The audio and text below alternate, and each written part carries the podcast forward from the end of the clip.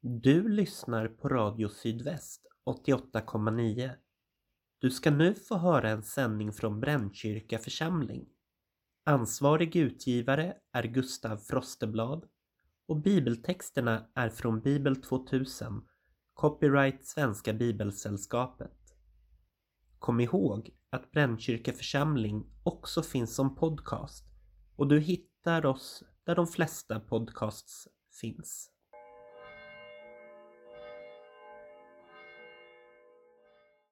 Välkommen till andakt i Brännkyrka församling. Jag heter Oskar Skäremo och studerar till präst. Idag är den andra söndagen i påsktiden. Jag läser ur Johannesevangeliet kapitel 21, vers 1 till 14.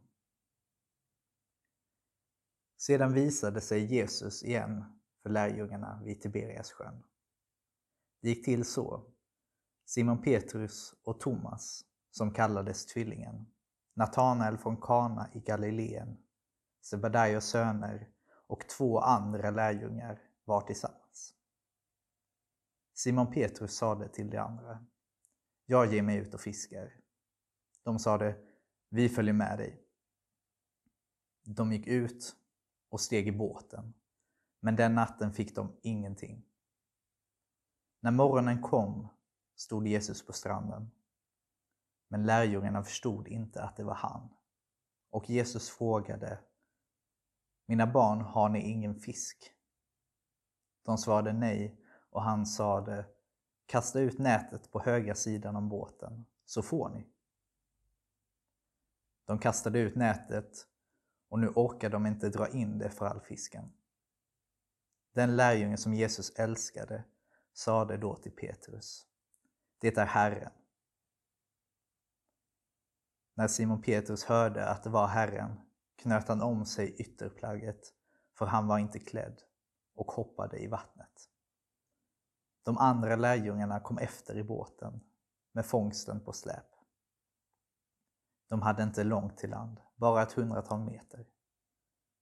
Då de steg i land fick de se en glödhög och fisk som låg på den och bröd. Jesus sade till dem Hämta några av fiskarna som ni just fick. Simon Petrus gick upp på stranden och drog i land nätet som var fullt av stora fiskar. 153 stycken. Och fast det var så många så gick nätet inte sönder. Jesus sade till lärjungarna Kom och ät. Ingen av dem vågade fråga honom vem han var. De förstod att det var Herren. Jesus gick fram och tog brödet och gav dem, och likaså fisken. Detta var tredje gången som Jesus visade sig för sina lärjungar sedan han uppstått från de döda.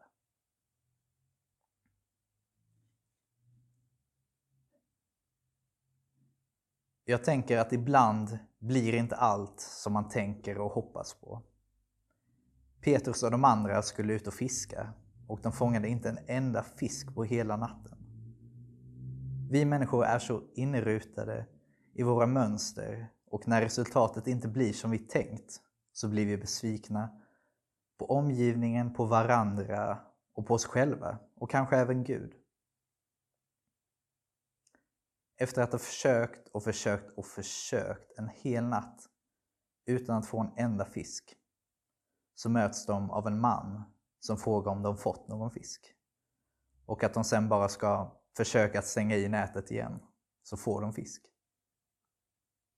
Om jag själv hade varit där så hade jag antagligen tagit det mer som en förolämpning och ett hån. Här har jag försökt en hel natt. Det finns ingen fisk. Och vem är du att tro att du vet bättre än mig?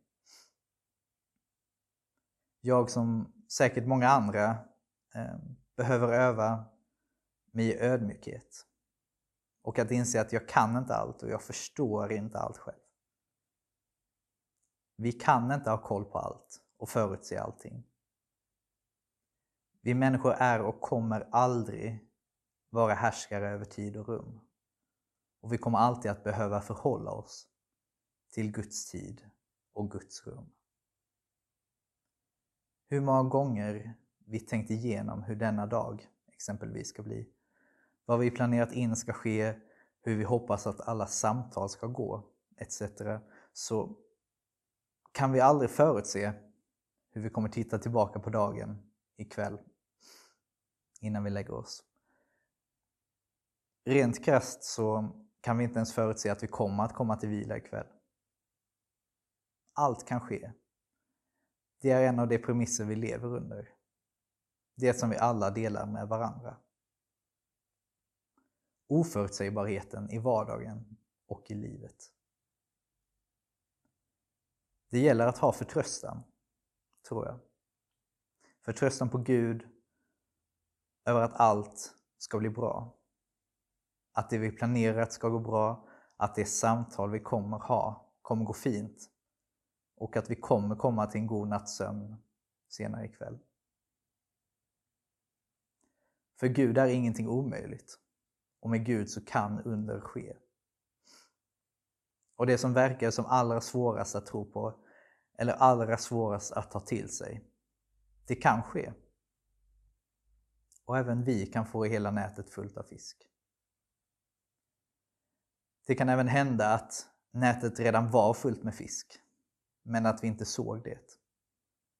Eller att vi aldrig såg att det var mannen på stranden, Jesus, som pekade ut vart vi skulle hitta fisken. Jag tänker alltså att vi inte ser Guds kärlek för oss. Eller att vi inte ser att den kärlek vi får och har är primärt från Gud. Gud är kärleken. Gud är kärlekens källa. Gud är den klippan vi kan luta oss mot och vila på. Gud är den fasta grund som livet kan bygga stadigt på. Och om Gud bara kan hjälpa oss att se, om Gud bara kan hjälpa oss att öppna våra ögon så att vi kan se, så kan vi se allt det goda som Gud förser oss med.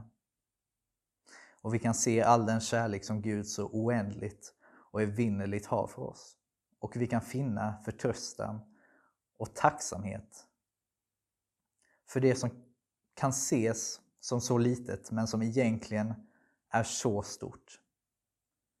Som att vi andas och att vi har fått vakna till ännu en ny dag. Vi ber. Tack Gud för denna nya dag. Tack för att du väckt oss och för att luft får fylla våra lungor och att solens värme får värma våra något rosiga kinder. Tack för att vi kan lägga allt i din hand Gud. Tack för all oro, all ängslan och alla problem. Att vi kan lägga dem i dina händer. Tack för att du bär oss och för att du torkar våra tårar när vi har det svårt, Gud. Men tack även för att du skrattar med oss och gläds över oss när vi mår bra. Jag vill be för den här dagen, för att du är med oss i de planer vi har, för det beslut som fattas. Var med i våra samtal och visa oss vart vi ska gå idag. Jag ber för dem som mår dåligt, Gud. Gud, jag ber att du är med dem och styrker dem och hjälper dem genom ännu en dag. Även om dagen kan kännas svart som natten. Gud, jag ber för vårt område, Gud, och för vår stadsdel och för vår stad. Hjälp oss att bli bättre på att se varandra, att ta hand om varandra. Hjälp oss att se på varandra genom dina ögon, Gud. Att se på varandra som lika mycket en avbild av dig och lika mycket älskade av dig som dina barn. Jag ber för denna dag och för den kommande natten. Var med oss och låt oss få vila och somna tryggt och varmt. Hjälp oss alla att få ha någonstans att sova, Gud. En plats där vi kan känna oss trygga och att vi kan känna av den fasta klippa som du är, Gud. Vi avslutar med att be vår Fader tillsammans. Vår Fader, du som är i himmelen. Låt ditt namn bli helgat.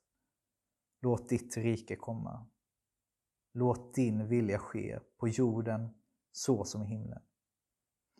Ge oss idag det bröd vi behöver och förlåt oss våra skulder, liksom vi har förlåtit dem som står i skuld till oss. Och utsätt oss inte för prövning, utan rädda oss från det onda. Ditt är riket, din är makten och äran i evighet. Amen.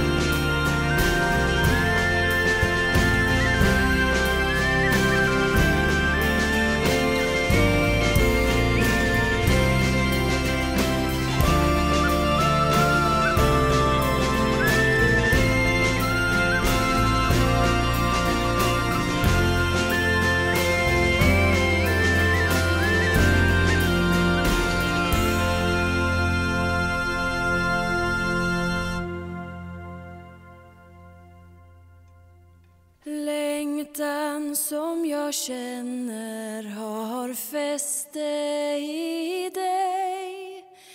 Kom, Herre, kom, jag